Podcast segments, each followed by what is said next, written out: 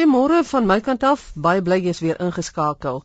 Vandag se program met weer taalnavrae en aan die einde van die program weer ons taalspeletjie as mense dit so kan noem. Vandag het Gerard en sy gas dit oor blokraai woorde. Maar net voordat ons by ons taalnavrae kom, wil ek net gou terugvoer hê by Dr Willem Botha van die Woordeboek van die Afrikaanse taal oor hoe dit gegaan het met hulle borg 'n woordeboek projek wat die 29ste Februarie gesluit het. Goeiemôre Willem, kan jy net vir ons 'n bietjie terugvoer gee? Wag, dit het baie goed gegaan. Werklik waar Daar uh, was groot ondersteuning. Ehm um, as mense wat uh, vir R5000 of tot R20000 geborg het. Mens Sewende Laan het, het vir R20000 woorde geborg. Maar elke R100 borgskap is net so waardevol vir ons. Nee, ons is ons is baie tevrede. Dis 'n groot bron vir ons. Ons ons dink, ons hoop ons sal oor die R400000 uh so inkry. Ons benodig natuurlik 2,5 miljoen per jaar wat ons self insamel. Maar mense kan voortgaan om 'n hele jaar lank uh, woorde te borg. Verlede jaar het mense nog omtrent ter waarde van R60000 woorde geborg nadat die prystrekking al gesluit het. Wat was die snaakste versoek vir 'n borgskap wat jy teëgekom het nou met hierdie veld? Wel, ek kan dit nie by die naam noem nie, maar die lelikste denkbare vloekwoorde is deur die webtuiste wat kyk jy geborg. En dit was en daar was 'n 81 jarige ou maatjie wat katools en guitig geborg het. Sy wou eintlik die sterker woord geborg het, maar haar dogter het haar gesensor. Goed, as mense nou borg, kan 'n mens nou nie, jy weet jy vra nou nie hulle identifikasie en ouderdom en geboortedatum en, en daai soort van goed nie. Maar is daar 'n manier wat jy kan agterkom of dit meer ouer mense is, is dit meer professionele mense, is daar jonger mense wat al bykom uh, wat belangstel om hierdie woorde te borg? Wel dit is baie interessant as heelwat oupas wat vir hulle kleinkinders woorde borg. So dit verstaan jy onmiddellik. Maar daar is ook jonger mense, maar daar's nog te min jong mense. Dis meer mense wat al die waarde van hulle taal besef. En uh is baie Valentynsgeskenke, verjaardaggeskenke, maar dit is ek sou sê meer uh, werkende mense. Ja, maar mense met geld. En dan skrywers, mense wat uit die uit die bedryf kom waar jy werk met woorde? Heel wat skrywers van die omtrent al die bekende Afrikaanse skrywers, ons wil vir hulle baie dankie sê. Almal van hulle. Ek kan hulle ek kan maar sê al ons huidige skrywers het amper geborg.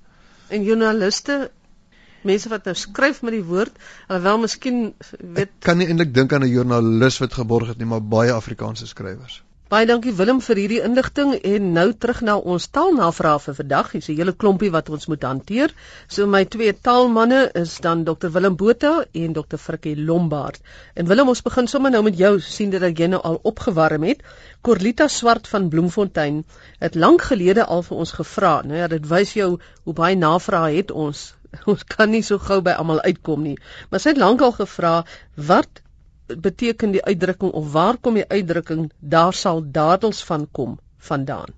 Ja, uh, Corlita, ons het 'n baie mooi verklaring gekry in spreekwoorde en waar hulle vandaan kom van Anton Prinsloo. Daar was naamlik 'n persoon, Herman Willem Daandels, uh, gebore in Hattem, Nederland. En hy was in die vroeë 19de eeu tydens Napoleon se besetting van Nederland 'n generaal in die Franse leer en hy is later bevorder tot goewerneur-generaal van Nederlands-Oos-Indië. Nou, volgens die meeste bronne het hy nie veel vermag nie. Daar bestaan byvoorbeeld twyfel of hy die bestuur verbeter het of die korrupsie wat tydens sy bewind geheers het enigstens verminder het. Nou daar is enkele voorkomste van 'n wisselvorm van sy van, naamlik dadels, D A E D E L S, wat moontlik aanleiding gegee het tot die uitdrukking daar kom dadels van. So daar kom dadels van kom van 'n man wat min gedoen het. So as jy sê daar sal dadels van kom, dan gee dit ken dit daar gaan tog niks gebeur nie. Nou baie interessant is in hierdie selfde tyd in die vroeg in die 19de eeu het Napoleon begin om van die Nederlanders te vereis dat hulle vanne moet hê. Nou die stedelinge het omtrent almal vanne gemaak maar op die platteland daar waar die manne manne met die koetjies rondgeloop het, was maar min Nederlanders met vanne. En dus toe hulle besluit het hulle gaan 'n grap maak uh van die Franse besetting en die belaglike vanne opgegee het van sukkel, nat van trane, agterste rib van die kat, naakt gebore, mooi weer, dunne wind en so voort.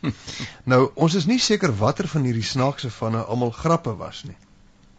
Ehm um, maar hierdie wat ek nou genoem het, eh, noem uh, oorlede professor Komring spesifiek as die grapmakers se se van. Hulle het gedink as Napoleon pad gee eendag, dan sal hierdie van ding verdwyn, maar toe het dit nie verdwyn nie.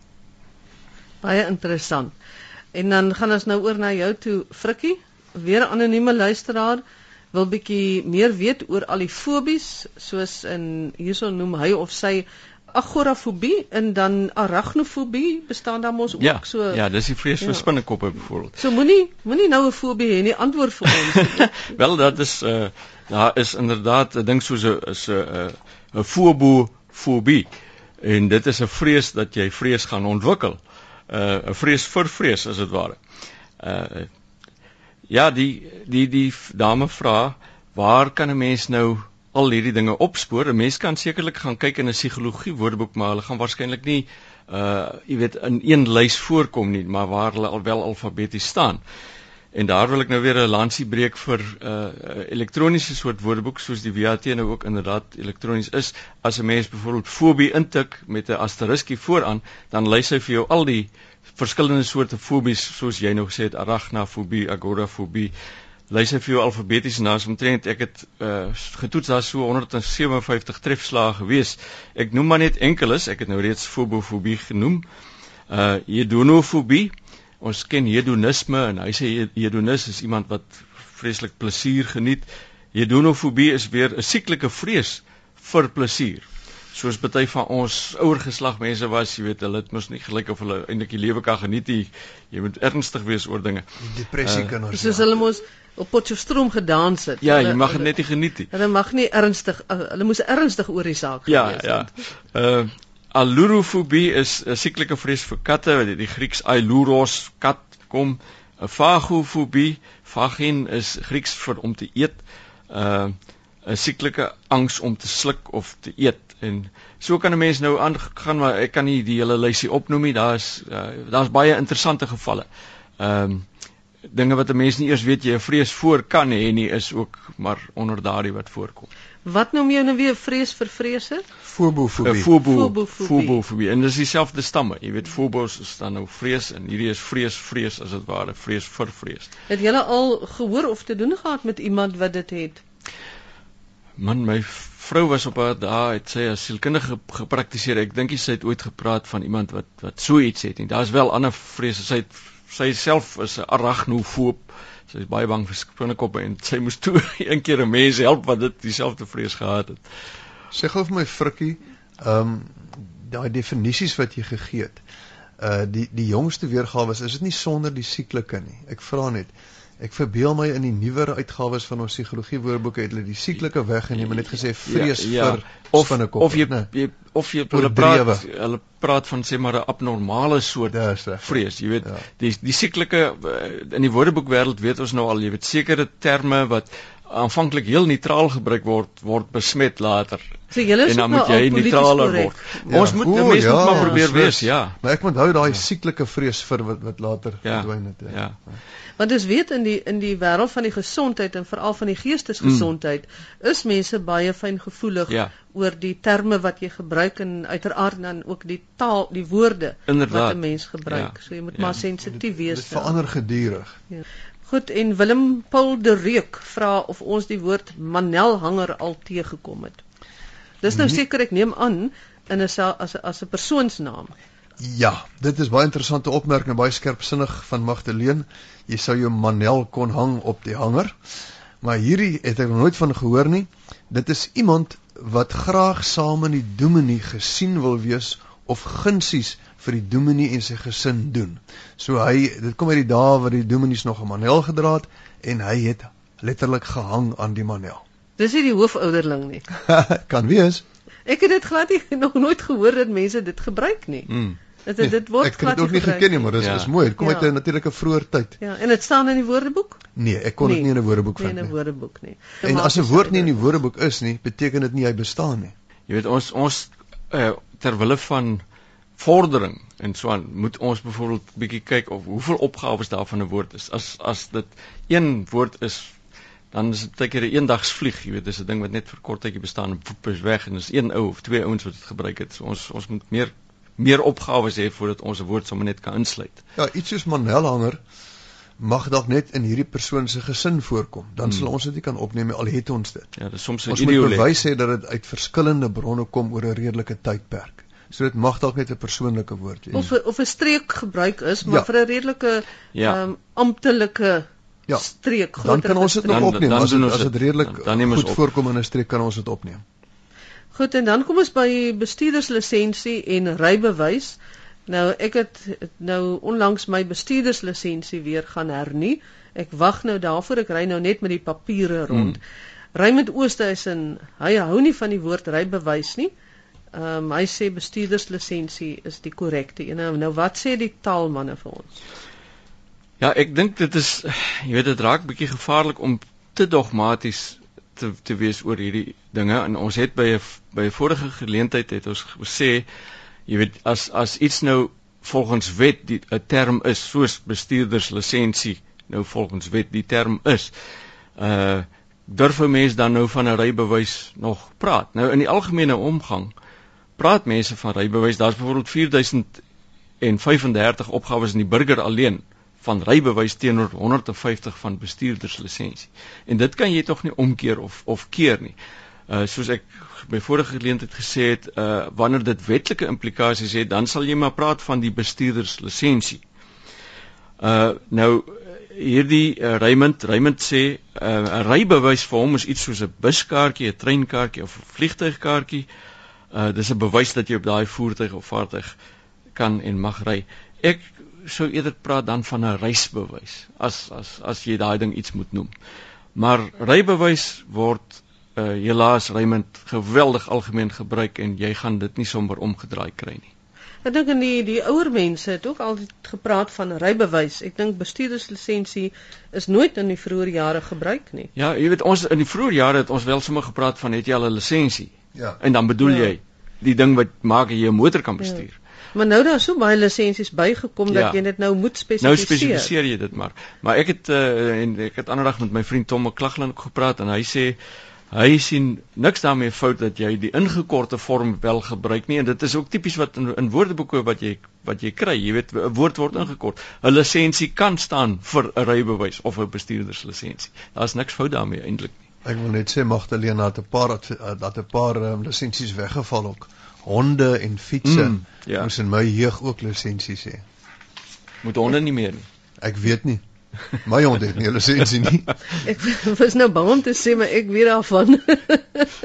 so ek en ons twee is omtrent dieselfde jaargroep hier tussen 30 en 50 want ons ken honde lisensies en baie dankie mag vir daai pluimpie.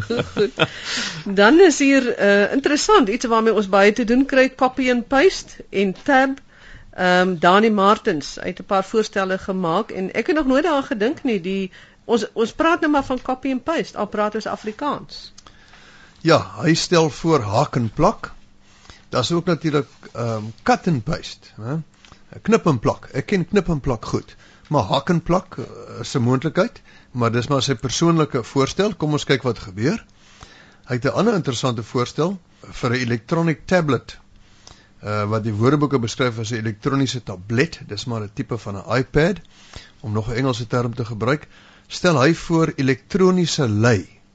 Nou dis 'n baie goeie logiese voorstel, maar ek wil uh, ook 'n voorstel daarbey maak en sê dis mooi, maar wat van net eenvoudig 'n lei? In die ou tyd het die kinders op 'n lei geskryf en dit is uh, waarvoor dan hy sy term geskep het. Maar omdat 'n lei nie meer in gebruik is nie, kan ons hom eenvoudig 'n nuwe betekenis gee en sê hierdie instrument staan as 'n lei bekend of soos Frik in 'n gesprek vir my gesê het ons noem dit 'n e-lei.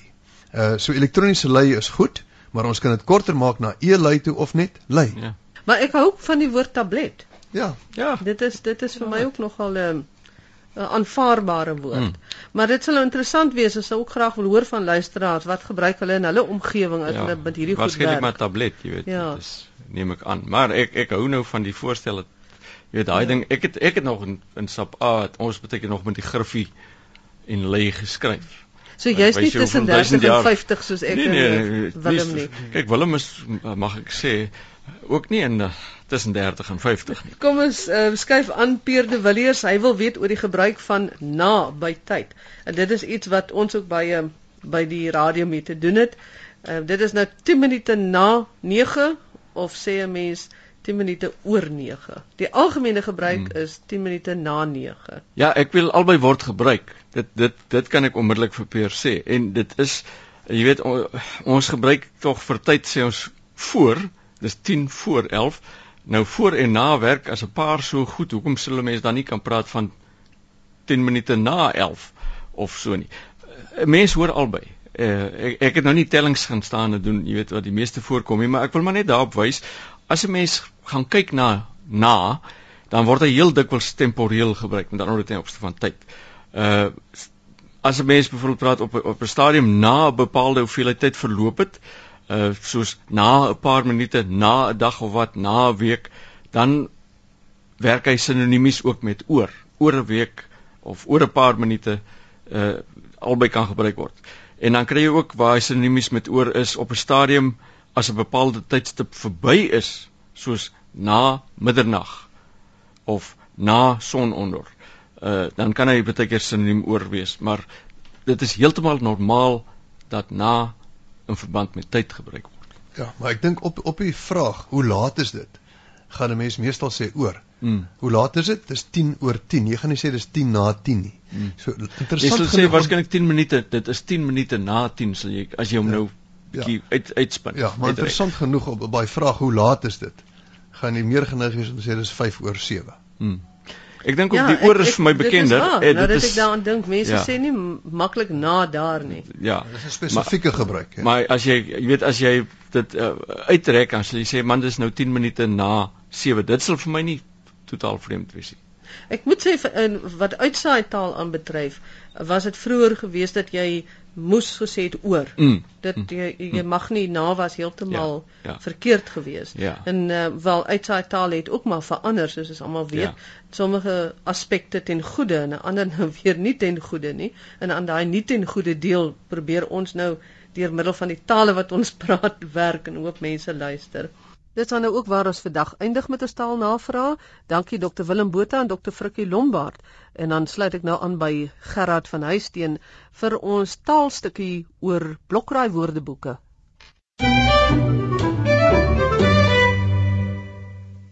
Goeiemôre en welkom by die Taalvasvra hier op die tale wat ons praat.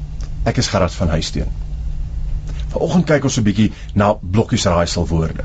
So as jy 'n uh, blokraaisel aficionado is, skuif nader. Nou gaan ons bietjie blokkies raaisels invul hier oor die lug.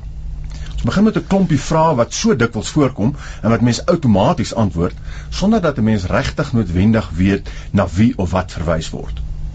Die eerste klompie is twee letterwoorde. Een van die bekendstes sekerlik songod. Songod. Dan die tweede een, menslike siel. Menslike siel. Onthou almal van hulle slegs twee letters. Die derde ene, twee antieke stede of 'n uh, Bybelstad, albei die stede met twee letters. Dan is daar ook dikwels gevalle waar ek nie weet wat die leidraad of die antwoord beteken nie, maar ek weet wel onmiddellik wat die antwoord is as ek die vraag sien. In die volgende stel vraag gee ek dus die leidraad en jy moet die antwoord en 'n omskrywing van die begrip gee. So ek vra met 'n tolkap twee letters. Met 'n tolkap twee letters. Dan pika twee letters. Pika twee letters. Is dou. Is dou twee letters. Dan prul drie letters, prul drie letters. En ons laaste enetjie vir vandag, tem ook drie letters. Tem drie letters. Nou, om ons vandag te help met die antwoorde, het ek weer vir professor Marnay Pinaar, taalkundige aan die Universiteit van Johannesburg gevra om hier 'n draai te kom maak en vir ons bietjie toelichting te gee oor hierdie blokkies raaisel vra. Goeiemôre Marnay. Hallo Gerard. Die eerste klompie kom ons draf net deur hulle. Ek dink nie ons hoef details daar te gee nie. Songod, Ra, R-A. En dit was natuurlik 'n Egiptiese god gewees en die ander songod, dis met 'n bietjie meer letters was Apollo gewees uit die Griekse mitologie, né? Dis reg en dis die ene wat sê 6 letters. Presies. Dan 'n menslike siel. Dit gaan wees K. Sover ek weet is dit ook Egipties uh iets mee te doen en dan die twee antieke stede gaan wees Ir of Is. Goed so. Nou kom ons kom by die interessante is, die waar mens nie weet wat of die leidraad is of die antwoord is nie of ten minste ek weet nie wat die leidraad of die antwoord is nie ek vul hierdie goed outomaties in met 'n tolkap twee letters om met 'n tol te kap gaan wees et et en dis kan 'n selfstandige naamwoord of 'n werkwoord wees. Nou dit kom uit tolspel uit en ek dink nie meer ons is so vertroud met tolspel nie, maar as jy nou jou toutjie rondom die tol ge, gespan het en jy het hom gegooi, dan was daar 'n sekere soort spel waar die idee dan was om jou maat se tol te probeer raak gooi en as jy dit nou reg gekry het en daar's nou 'n klein merkie op die ander persoon wat saam met jou speel se tol, dan het jy nou daardie tol geëet. Met ander woorde daar is 'n merkie of 'n streepie op daardie tol of jy kan ook sê ek het iets geëet. So eet of geëet maar dan eet jy. Ja, dan voel ek nou nie meer sleg dat ek dit nie weet nie op ons ouderdom het ons nie meer sulke tolspeletjies gespeel nie. Pika. Pika is 'n interessante een en sy antwoord is M E M. Nou dit is dan nou 'n drukkersterm wat gewoonlik verband hou met die letter M, maar dit word amptelik gesien as die grootste gewone enkele spasie op 'n monoset masjien. Met ander woorde, ou drukkersterm, maar die punt is is 'n soort afstand of 'n spasie van ongeveer 4 cm. Dit is wat daardie M is. So dit verwys na die letter M, maar dan ook na die spasie wat 4 cm kan wees in drukkersterminologie. Dit moet seker iewers dan ook met die sogenaamde M dash en die N dash te doen hê. Ja. Miskien kan ons 'n keer bietjie daarna ook kyk. Is dou. Nou is dou moet ek nou sê dis nou ware belydenis van 'n blokkies raaisel verslaafde. Hierdie ene ek het my lewe lank gelees as D O Don gedink dis donderdag. Ek het geweet die antwoord is it maar ek het geen aardse idee gehad van wat die twee met mekaar in in verband gehad het nie. Totdat ek gaan kyk het en gesien het maar dis nie dol vir donderdag nie dis dou.